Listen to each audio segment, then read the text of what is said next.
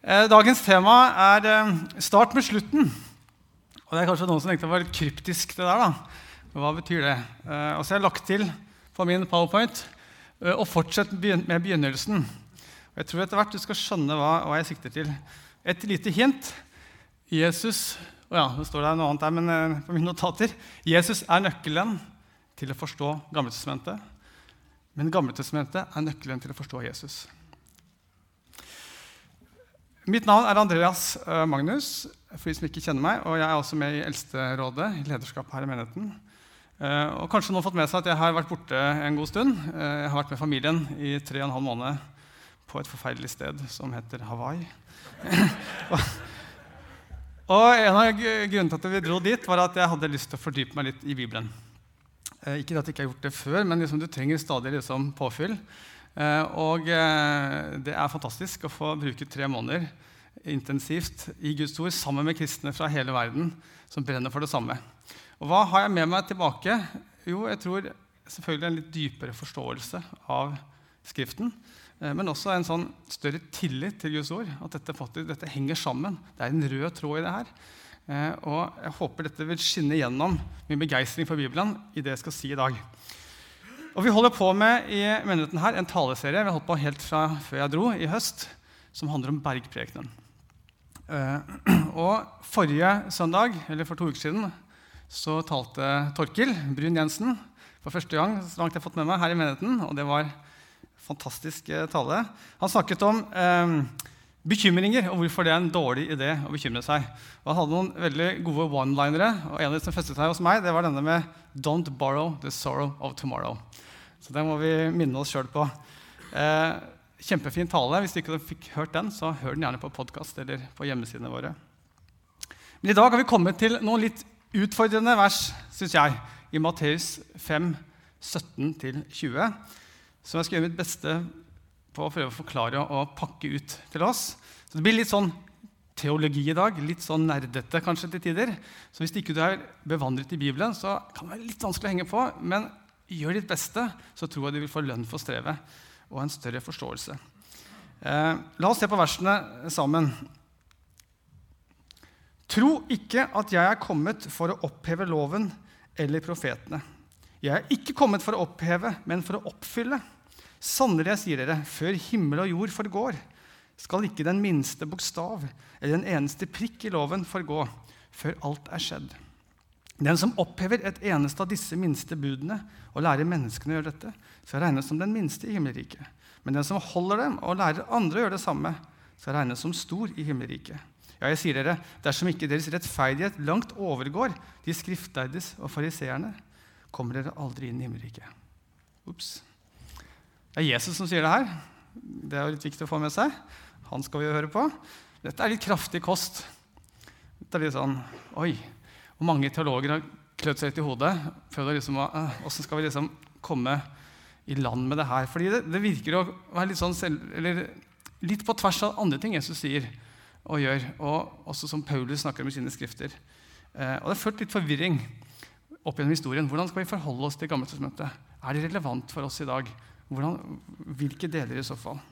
Så Mitt mål med dagens eh, preken er å vise hvorfor vi som kristne ikke er lenger bundet av Moseloven, men samtidig at Moseloven er et uttrykk for Guds gode vilje, som fortsatt har en rolle i å påminne oss om hvordan vi kan leve gode liv sammen. Så må vi huske at Moseloven ble gitt til en litt sånn rufsete gjeng med tidligere slaver. Israelfolk hadde akkurat kommet ut av Egypt. Dere husker historien om prinsen av Egypt, ikke sant? Moses. Eh, og De trengte å utvikle en egen identitet, en egen kultur, som Guds spesielle folk. Og Dette skulle skje Eh, midt blant andre mer etablerte folkeslag som hadde sin kultur og sine religioner, og som var dypt inne i avgudsdyrkelse med noen forferdelige eh, ritualer med barneofring og en seksualmoral som var helt ute på viddene. Så når lovene som Gud gir til folket sitt gjennom Moses, de er altså ment for å beskytte folket mot å bli preget av disse kulturene fra folkene rundt. Eh, og Derfor så får de for forbud mot å gifte seg med nabofolkene. De får også en del litt spesielle matregler. og Noe av grunnen til det var helsemessige årsaker, men mye også for å separere dem fra de andre folkene, så de skulle få utvikle sin egen kultur og identitet. Eh, men loven er også ment som en sånn generell beskyttelse mot ondskapen i verden. Eh, og for å skape en, et godt samfunn med en kultur som verdsetter livet. Sant? Derfor la Gud ned et strengt forbud mot all menneskeofring, sånn som var helt normalt i alle kulturene rundt. Og lagde rammer for å beskytte menneskelivet. Eh, og til slutt så eh, var eh, lovene ment for å klargjøre jødene til å eh, ta imot Jesus når han skulle komme. Altså, det var et pedagogisk verktøy til å lære opp jødene eller israelsfolket i eh, hva synd var. At Gud var hellig. At synd er konsekvenser. Om dette med nåde som Gud kan gi oss.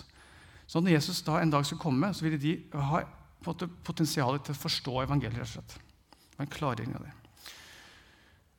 Så jeg vet ikke hvordan det er med deg, men jeg har møtt en del kristne som syns at Gammeltestamentet er litt komplisert, og Moslovene de er litt sånn ah, litt sånn der, Kan vi ikke slippe å snakke om det, for det er så mange rare ting der. Og så er det alltid noen ateister som drar fram et eller annet uh, obskur vers ut av sin sammenheng, og så får man bli en litt sånn svar skyldig. Uh, men jeg skal prøve å vise deg litt gjennom dagens tale at uh, Moseloven var et gode. Det var noe som var ment for å løfte Israelsfolket i et godt samfunn. Men la oss først se på teksten i detalj. Tro ikke at jeg er kommet for å oppheve loven eller profetene. Jeg er ikke kommet for å oppheve, men for å oppfylle, sier Jesus i vers 17. Ok, hva er det Jesus, Vi må først ha klart for oss hva er det Jesus sikter til når han sier loven og profetene. Og Da må vi vite det at uh, Gamletestamentet, eller den hebraiske bibelen, det er jo hele Bibelen for, for jødene, den besto av tre deler. Det var Toraen. Det var altså uh, hebraisk for uh, loven. Det er de fem Mosebøkene. Og så var det profetene, som kalles på hebraisk for nebim. Uh, og Det omfattet ikke bare de bøkene vi kaller profeter, men også de historiske bøkene Josva helt ut til andre kongebok. Det var profetene. Og så var det skriftene, som kalles for ketubim. det var resten, med salmen og alt resten av GT.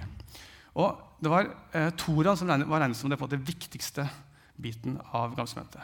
Så når jødene da, Og hele dette ble kalt for Tanak, var på det forbokstaven for disse tre delene. Eh, og Når man skulle omtale alle disse eh, skriftene på kort måte, så kalte man ofte bare for loven. og så gjaldt det alle, eller loven og profetene. Og Siden loven var viktigste, så måtte betegnet det hele, hele skriftet.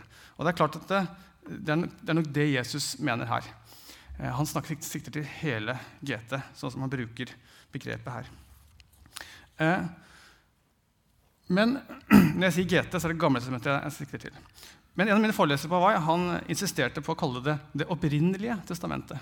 Han mente at Gammeltestamentet det signaliserte at dette var noe forgangent, noe som var liksom avleggs, som var gått ut på dato. Eh, men det er nettopp det Jesus sier i den teksten her, det er ikke gått ut på dato. i den forstand. Det er fortsatt Guds ord. Det er fortsatt relevant for oss. Eh, og Paulus eh, sier eh, til sin disippel Timoteus i 2. Tim 3,16.: Hver bok i Skriften er innblåst av Gud og nyttig til opplæring, til rettevisning, veiledning og oppdragelse i rettferd. Og Da snakker Paulus om Gammeltestamentet. Det var det eneste de hadde på den tiden. Så det er noe der som er relevant for oss. Men hva kan da Gammeltestamentet bidra med når vi har fått Jesus og han har oppfylt dette. Hva er det som gjenstår for oss å hente ut av GT i dag? Jo, det kan fortsatt lære oss en hel masse om Guds karakter. Om hans eh, hellighet. Det finner vi masse om der. Og om hans tålmodighet, faktisk. Og Du kan finne litt sånn hint om det på litt sånn rare plasser. Jeg skal vise deg en av de. Eh, husker dere hva den lengstlevende personen i Gammelsementet het? Noen husker det? Metusalem, ja. Men visste du hva hans navn betyr? Det betyr 'når jeg dør, så skjer det'. Når jeg dør, så skjer det. Ok, Og hva var det som skjedde når han døde? Jo, da kom Noas flom. Noas har hørt en historie, ikke sant? Han var jo bestefar til Noah. Eh, og Dette finner vi altså midt i en sånn slektstavle. som er, vi har en tendens til å hoppe over, for det er liksom kjedelig å lese sånne slektstavler. Men midt i den her så finner vi altså en bemerkelsesverdig opplysning om Guds godhet og tålmodighet. Og plutselig blir det at Metusalem ble så utrolig gammel, for en ny, for en ny betydning for oss. Det sier jo alt om hvor lenge Gud var villig til å utsette dommen over synden i verden. Sånn han venter i det lengste. Og På samme måte venter han i dag. Og Derfor kan vi spørre hvorfor er det så mye ondskap i verden. Hvorfor tar ikke Gud i tur med ondskapen? Men han venter, så alle skal få sjanse til å høre evangeliet. Og Det finner vi spor av allerede i Gammeltestamentet. Mens vi snakker om slektstavler, så har jeg en ting til jeg har lyst til å vise dere. Vi tar navnene fra slektstreet helt fra Adam til Noah, og så oversetter vi betydningen av navnene, navnene til norsk, så får vi det her. Adam betyr menneske. Anvist, dødelig, sorg. Den velsignede Gud skal komme ned, skal undervise. Hans død skal bringe den fortvilte hvile eller trøst. Kult. Dette er jo evangeliet fortalt gjennom bare navnene til de første menneskene i Bibelen. Og sånn er det masse av. Men Gammeltestamentet lærer oss ikke bare om Gud. Den gir oss også en dyp innsikt i menneskenaturens kompleksitet. Den er veldig ærlig, brutalt ærlig til tider. Om hva vi var designet til opprinnelig, og hvordan det blei etter syndefallet. Vi lærer at livet ikke alltid er enkelt, og vi får hjelp til å hanskes med det åndes problem, som kanskje er en av de største tingene mange mennesker kjemper med, og lidelsens problem. Og når vi mistet uh, vår datter Elvira for ti år siden, er det nå, så var det godt å sette seg ned med Jobbs bok. Uh, den ga en viss trøst. Uh, og det er ikke bare Jobbs bok, men hele visdomslitteraturen i Gamselmøtet er full av gullkorn, full av visdom når det gjelder å forstå menneskets situasjon i en fallen verden. Hva er menneskets lodd i livet? Men aller viktigst så er Gammelsementet helt uunnværlig om vi skal forstå evangeliet og hva det var Jesus kom for å gjøre. Jeg vil si så sterkt som Uten Gammeltestamentet så blir store deler av Nytestamentet egentlig ganske uforståelig. Eh, og vi blir mye fattigere og grunnere i forståelse av Guds frelsesverk. Eh, veldig mye av jeg skal vise snart nå, veldig mye av Nytestamentet det henspiller på Gammeltestamentet. Det forutsetter at vi har den kunnskapen med oss. Eh, hvis du tar bare bergprekene som vi holdt på med hele høst, så kan du se her skal vi se om vi får det opp, hvor mange bøker i Gammeltestamentet som bergprekenen i bare disse to kapitlene i Matteus eh, henviser til og alluderer til og siterer fra. Eh, lilla det er sitater, og det gule er eh, henspillinger på. Masse bøker bare i de to eh, kapitlene. Og Hvis vi ser på Uh, den oversikten her så ser vi altså, uh, Det er Matteus. Lukas, det er de røde feltene, er alt som, av hans bok som er hentet eller spiller, henspiller på Gamsmøtet. Går vi helt til romer, Romeren, er masse. Og hebreerne, der er over halvparten av boken, gir ikke så mye mening hvis ikke du har lest Gamsmøtet. Og den boken i Nyhetsmøtet som i aller størst grad bygger på Gamsmøtet, vet du hvilken bok det er? Det er den siste boken, Johannes' åpenbaring. Det viser hvor viktig Gammeltestamentet er fortsatt for oss for å fatte dybdene i Det nye testamentet. Ok, Men tilbake til saken. Jesus sier altså at han er ikke kommet for å oppheve, men for å oppfylle Gammeltestamentet. Så kan vi spørre oss selv hvorfor gjør Jesus et poeng ut av det. Jo, Det var kanskje fordi han kunne bli oppfattet som om han gjorde noe annet. At han liksom skjøv dette til side. Jeg tenker på hvordan han forholdt seg til sabbatsbudet. Han nytolket det. Hvordan han han overså en del av renhetsforskriftene som fariseerne er veldig opptatt av. Og hvordan han på en måte satte seg sjøl litt over loven med liksom en rett til å nytolke loven. Men han prøver altså også å, hjelpe, å si her i disse versene hva han mener om loven. Den er ikke, eh, Han forkaster den ikke, men han oppfyller den. Men hva ligger det i å oppfylle? Skal vi prøve å se, eh, se på Det Det er tre mulige betydninger av dette greske ordet pleroo, å oppfylle. Det kan bety oppfylle et bud ved at man lever etter budet. Det kan også bety at han oppfyller et løfte ved å oppfylle løftet. at nå skjer det som er blitt lovet. Eller det kan også bety å sluttføre Skriften til, eh, fram til sin egentlige hensikt, sånn at den gir full mening. Og Jesus gjør jo egentlig alle disse tingene i løpet av sitt liv. Men det er nok det siste her som er mest eh, dekkende, slik som uttrykket brukes eh, i dette sitatet. Og Da signaliserer Jesus at Gammeltestamentet er ikke helt fullstendig uten ham. Det er først når Jesus kommer, og det han gjør, eh, at eh, frelseshistorien som ble påbegynt med utvelgelsen av Abraham, med pakten som, Jesus, som, Gud inngår med Israel og Moses, og løftene han gir til kong David om en, eh, en konge på hans trone til evig tid. Det er først med Jesus at alt dette blir oppfylt. Um, og det er gjennom Jesus at det Jeremia og Esekiel, de store profetene snakker om, at loven som Moses fikk på Sinai-fjellet, skulle bli skrevet på våre hjerter. Det er det Jesus gjør. Så Selv om jødene jo hadde en forventning om som politisk Messias De skulle befri jødene fra Romerriket. ikke sant? Det var, det var, det de håpte på. Så er det også eh, antydninger i eh, jødenes tradisjon om at Messias skulle komme og måte fullstendiggjøre loven. Og det er det Jesus snakker om her. Ok, Vi kommer litt mer tilbake til hva det vil si å oppfylle loven etterpå. Men først skal vi se på eh, de neste versene, vers 18. Sannelig, jeg sier dere, før himmel og jord forgår, skal ikke den minste bokstav eller en eneste prikk i loven forgå, før alt er skjedd. Eh, det blir litt sånn teknisk der, men det er litt viktig for at vi skal lande med beina på bakken eh, til slutt. Ordet 'sannelig' det er bare 'amen' på hebraisk. Eh, og Jesus bruker ofte det uttrykket når det er noe viktig han skal si. Så dette er tydeligvis viktig for Jesus. Og Når Jesus snakker om den minste bokstav, eller tøddel, så var det bokstaven J-I på hebraisk. Og prikken over i-en er denne, denne tøddelen. Eh, men det Jesus sikter til, er selvfølgelig en, sånn, en billedlig eh, tale om at hele Skriften, alle detaljer i Skriften, er, eh, eh er gyldige. Både budene, løftene, profetiene. Ingenting er for lite til å, at, at, vi skal bry oss om det. Eh, og jeg har allerede nevnt at Jesus sikter til ikke bare loven, men hele gammeltestamentet når han snakker. Det fikk dere med dere, ikke sant? Og dette blir enda tydeligere for oss når vi ser på Matteus 11, 3, litt seinere. sier Jesus at alle profetene og loven har profetert fram til døperen Johannes. Han snakker om at loven har profetert. Hva mener han med det? Jo, Jesus tydeligvis han ser på praksisen i Mosloven, disse ritualene de gjorde, ikke bare som bud og regler, men som profetier. Noe som peker fram mot det han skal komme og oppfylle. Det er litt viktig for å forstå sammenhengen her. Og Det gir oss også noen nøkler til å forstå eh, dette her med tidsavgrensningen. Før himmel og jord forgår. Det har jo ikke skjedd ennå, så det er et sånn veldig langt tidsperspektiv. Men før alt er skjedd, hvis det betyr det Jesus gjorde på korset, som vi tror det betyr, så har jo det allerede skjedd. Så her er det liksom to forskjellige tidsperioder på det samme sitatet. Hvordan vi til, eh, hvordan kan vi lande på det? Jo, jeg tror det betyr at Jesus sier eh, Han stadfester at det gamle det er gyldig.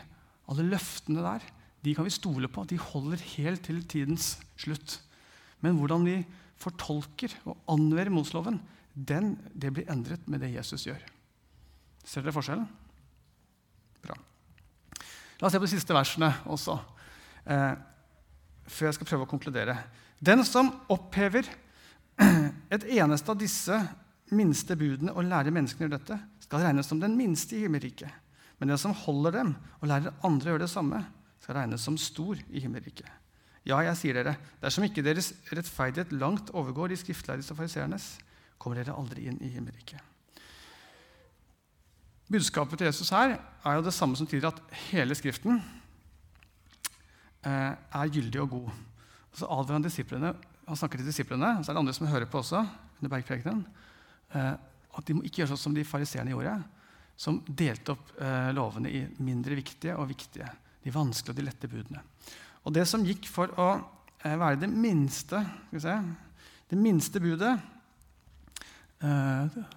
det var det her. Budet om hvis du fant et reir så fikk du lov å ta eggene og kyllingene, men du skulle alltid la fuglemora unnslippe. Eh, og det kan virke litt som, eh, litt som ok, snålt. Men hvis du ser hva som er poenget her med det verset, så er dette egentlig dette er eh, bærekraftig utvikling lenge før Gro Harlem Brundtland kom på begrepet. Dette er naturvern før Bellona og Greenpeace. For da kan jo fuglemor legge nye egg neste år. Det blir en sånn, Du kan høste naturen uten å ødelegge naturen. Eh, og Sånn er det masse eksempler på. Liksom, merkelige vers, da, men, men det gir en mening hvis du ser på prinsippet som ligger under. Eh, og Når vi snakker om prinsippene i Moseloven, så Jeg kunne tatt mange eksempler, men Gud, altså, gjennom Moses så ga Gud eh, jødene syv eh, eh, sånne fester som de skulle overholde i løpet av året. Gud var veldig opptatt av at de skulle feste og feire. Og hvis, dere, eh, hvis noen har vært i Israel og, hengt litt med jøder, så merker dere at de er blitt veldig gode på det med festing og feiring. Og Der har vi litt å, å lære, vi nordmenn. Eh, og hver, hver eneste uke så hadde de sabbat. En gave til menneskene fra Gud hvor de skulle få hvile. Og hvert syvende år så var det sabbatsår, ifølge Moseloven. Da skulle ikke bare menneskene få hvile, men også naturen skulle få hvile. Eh, og det var slik at De fattige som ikke hadde egen eiendom, de kunne da gå og høste fra de rikes eiendom og spise seg gode og mette. Og Det står til og med presisert at de ville dyrene skulle få ekstra mat. de kunne også gå og spise. Så Gud har fått omsorg for hele sitt skaperverk, inklusive dyrene og de svakeste i samfunnet. Og Sabbatsåret skulle det også ettergis gjeld til andre israelitter. Hvis man hadde, eh, hadde utestående gjeld, skulle den bli ettergitt. En sosial utjevning, en sosial rettferdighet, for å bygge ned de sosiale skillene som oppsto internt i Israel. Og jeg kunne gitt mange flere eksempler, men det viser bare hvordan Gud har en omsorg for sitt folk, og lovene var et gode for Israel. Selv om de var, ble til i en spesiell epoke, så de kan ikke automatisk videreføres i dag. De må, de må på nytolkes inn i vår kontekst og vår kultur og vår tid og vår teknologi. Ok, men Selv om jeg nå har prøvd å renvaske Moseloven litt, vise at den var god, eh, så er det et skille før og etter Jesus. Og Det skal vi være glad for, og det er et viktig skille. Og rundt 1400 år, nei, I 1400 år fra Moses ble gitt denne loven av Gud, og eh, helt opp til Jesus eh, kom, eh, så måtte jødene hvert år eh, på den tiende dagen i det nye året Jom Kippur, den store forsoningsdagen, så måtte de utføre en rekke ritualer for å eh, rense seg fra sine synder og det som hadde vært eh, pro problemer i det tidligere året. Slik at de kunne fortsatt ha fellesskap med Gud. Og Detaljene rundt der står forklart i 3. Mosebok kapittel 16. Og Bakgrunnen for hele dette offersystemet, som var ganske avansert, det var at Gud ønsket å bo midt iblant sitt folk. Han ønsket å ha fellesskap med Israelsfolket. Men fordi Gud er hellig, han er ren. Han tåler ikke synd. Eller kanskje skal si vi tåler ikke hans hellighet. Vi syndige mennesker. Da dør vi hvis vi kommer i berøring med hans hellighet. Så foreskrev han en rekke ritualer som prestene og folket måtte gjøre når de skulle nærme seg tabernakelet. Eh, Guds bolig, Guds eget telt, midt i eh, Israelsfolket. Og dette teltet ble jo etter hvert til tempelet. Det største bygget i Romerriket. Det kunne romme 200 000 mennesker når de fylte plassene rundt, eh, rundt uh, tempelet. Og det, Der var det ganske fullt på Jom Kippur. Uh, I hele ti dager før denne forsoningsdagen, når det nye året begynte, så blåste det i sjofaren, dette bukkehornet, og så skulle alle folket eh, begynne å reflektere over livet sitt. I ti dager faste be, reflektere over livet sitt, fram til forsoningsdagen var man klar til å legge av seg alt det gamle og gå inn i det nye året med blanke ark og fargestifter til. Og eh, Da måtte øverstepresten Det var det eneste dagen i året han fikk lov til å gå inn i det aller helligste, der Guds nærvær var. Da måtte han først ofre et dyr for å rense seg sjøl. Så kunne han gå inn på vegne av folket. Og så kom de med to utvalgte eh, geitebukker som var lyteløse. Og så trakk de lodd om det her, og så ble den ene ofret som et eh, takkeoffer til Gud. Og så ble den andre da la ypperstepresten hendene sine opp på hodet til eh, bukken, symbolsk, og så overførte han all synden fra folket til dette dyret. Og derav ordet syndebukk. Dette var syndebukken. Og Da var det fullt av mennesker rundt her som ba og, og fastet at dette skulle virke. At Gud skulle virke til i de syndene. Det var, det var, kjempe, det var en spenning i hele befolkningen. Eh, Og så eh, tok man denne bukken og så førte man den ut i villmarken for å dø. Og Da var det ingen jøder som ville være i nærheten av denne bukken, for her var alle folkets synder. Så det var en hedning, en ikke-jøde, som måtte få gjøre den jobben her. Og etter hvert så passet det på også å sparke han utfor et stup, så han skulle være sikker på at han døde. og ikke kom tuslende tilbake. Det var litt kjipt å finne han i hagen din dagen etterpå. liksom. Der er alle syndene til folket. Få det vekk. Langt vekk. Og Så bandt de et bånd rundt hornet på denne bukken. En rød sånn sløyfe, eller sånn eh, skarlagenrødt bånd. Og Det skulle symbolisere blodskylden til folket, alt det gale de hadde gjort. som Gud skulle tilgi. Så klippet de båndet i to, så hang de en bit av båndet opp på døra i tempelet. Og så skjedde mirakelet. Da ble denne eh, røde tråden hvit. Og alle folk kunne se at offeret var akseptert av Gud. Nå var synden eh, vasket vekk. Og så spør du kanskje hvor i all verden står det her i Bibelen. Det står ikke i Bibelen direkte, men det står beskrevet i Talmud, jødenes kommentarer til Mosebakene, hvordan de praktiserte det her. Men det står et vers i Bibelen som plutselig blir litt interessant når vi vet denne tradisjonen her. Og det er i eh, Jesaja 1,18. Der står det følgende. Ja, da har vi bildet av Ja, det glemte jeg å ta. Dette er syndebukken. Eh, men i Jesaja så står det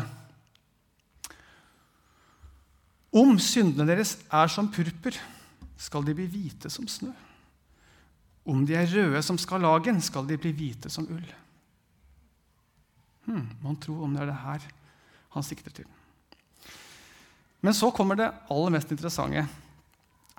Kontekstene for dette verset hos Jesaja det er at Gud avslører at han ikke har noen sans for jødefolkets offerkultus, så lenge ikke deres livsførsel også stemmer med de reglene han har satt. Det blir sånn hy hykleri, sier Gud. Han, han sier videre at det han egentlig ønsker for sitt folk, mer enn offer, det er lydighet. Og han ønsker at de skal lære å gjøre det godt. Søk det som er rett. Hjelp den undertrykte. Før farsløse sak. Og eh, før, eh, før, nei, vær far, forsvarer for farløse og før enkers sak. Det er det Gud ønsker aller mest av sitt folk. Og Derfor er Jesus spot on når han sier og oppsummerer hele loven i det dobbelte kjærlighetsbudet. Du skal elske Herren din Gud, og du skal elske din neste som deg selv. I Matteus 22. Men hvorfor da innfører Gud disse forordningene hvis, hvis de ikke i seg sjøl kan egentlig fjerne synd, og han er mer opptatt av egentlig hjerteholdningene våre? Jo, de var pedagogiske virkemidler, som jeg sa, for å vise Israelsfolket at Gud han er hellig, og synd det separerer Gud fra oss mennesker.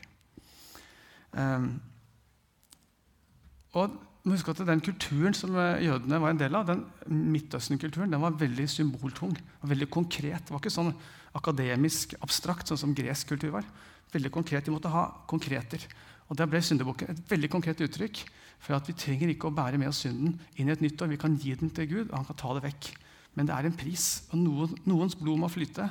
Men heldigvis er det ikke vårt. Gud har forhånd som en bukk kan, kan dø istedenfor. Um, men det er også en frampek på det som skal komme seinere med Jesus. og Det er derfor det blir så viktig. Eh, når Gud selv skal komme ned og dø på et kors for oss. Når vi ser hva som skjedde med Jesus, så blir det veldig tydelig at denne symbolikken med syndebukken den overføres på Jesus. For Hva er det som skjer? Jo, De trer tornekronene ned på hans hode. Og hva skjer når tornene går inn i hodet? Jo, du får en rød ring rundt hodet ditt. Hvem, hva var det som skjedde med Jesus? Han ble ført ut utenfor byen av noen hedninger, av romerske soldater. Og der ble han eh, ofret for oss alle som eh, vår syndebukk. Og nå skal du høre noe som er litt kult. Rabbinerne Når eh, tempelet ble jo knust og brent opp og ødelagt av romerne i år 70, og etter det så begynte man å skrive ned all den der fortolkningen, av Mosebøkene som jødene hadde tradert muntlig.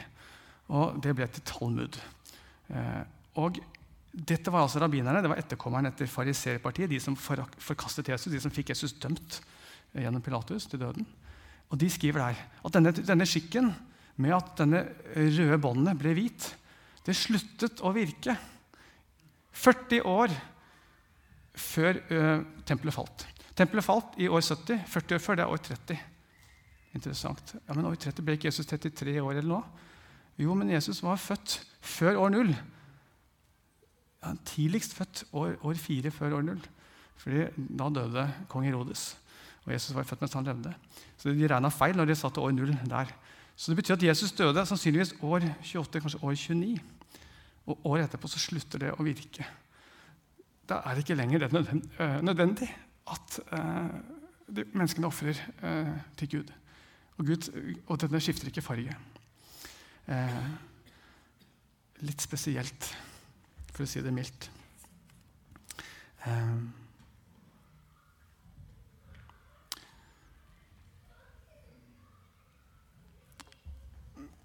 Men når du ser på det bildet her, så det er ikke noe hyggelig bilde.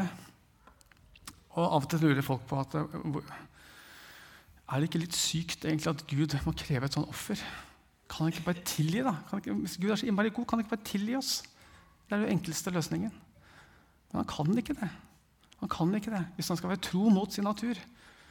Hvis Gud er både hellig og rettferdig, så kan han ikke bare se gjennom fingrene med synden.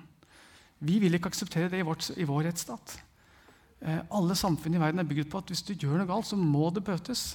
Det er rettsstatsprinsippene. Uten det er uholdbart, ulevelig, et samfunn uten at man tar tak i urettferdigheten. Og det må også Gud gjøre. Som verdens skaper, universets skaper, så er han garantisten for det moralske. At, at det er et moralsk univers hvor det, synd må gjøres opp.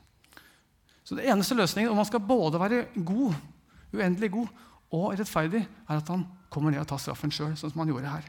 Den eneste løsningen. Og det gjør det mulig for oss å ha et mer intimt forhold med Gud enn jødene noen gang kunne ha. Ja, de hadde tempelet med Guds nærvær, men vi kan ha Guds nærvær på innsiden. På innsiden. Og da er vi kommet til løsningen på det aller siste verset i dag, nemlig at dette må vår rettferdighet skal være større enn skal overgå fariseernes rettferdighet. Eh, og det kan den ikke fordi vi er flinkere og tar oss sjøl mer i nakken, men fordi vi har fått Jesu rettferdighet. Eh, og vi har fått loven skrevet på våre hjerter, sånn som Jeremia sier. Eh, og Derfor sier Jesus i teksten rett etterpå våre vers, så sier han at dere har hørt det sagt, men jeg sier dere. Nå er det slutt på at vi bare skal holde de ytre budene. Nå ser Gud også til hjertet. Eh, og vi trenger å bli født på ny. Vi trenger å få et nytt liv på innsiden. Og det kan vi få takket være det Jesus gjorde, takket være Den hellige ånd som er gitt til oss. Eh, en forvandling på innsiden. Og da er det ikke likegyldig hva vi fyller oss med etterpå. For at dette nye livet, sånn som døpen Johannes sa eh, Kristus i meg skal vokse, og jeg skal avta. Sånn at vi kan begynne å bli lys og salt i verden, sånn som Jesus kalte oss til å være i bergprekenen. Pga. at vi har Jesu rettferdighet og vi har Den hellige ånd på innsiden. Det er hva bergprekenen egentlig handler om. Så min utfordring til deg i dag det er to ting. Det ene er også la Jesus betale din skyld. Ikke prøv å betale den selv. Og ikke tenk at det er noe du har gjort som er så ille at ikke det er dekket av Jesu blod. Eh, og nyt det å være Guds barn. Nyt. Vi kan feire og få feste over hva som skjedde, til fordel for oss. At, og Neste gang noen prøver å minne deg på det gale du har gjort, trekke det fram fra glemselens hav, så kan du si at eh, syndebukken tok det alt sammen, og han har reist. Og punkt to, Ikke la noen stjele Gammeltestamentet fra deg fordi det kan virke vanskelig tilgjengelig.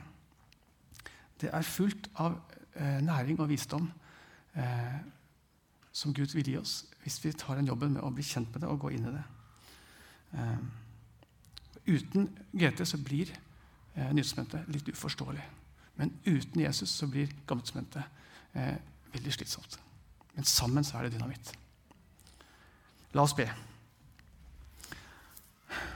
Takk, Jesus, for at du tok all, all vår synd på deg en gang for alle. Eh, hjelp oss å forstå hvilken gave det er, og hjelp oss å feire det.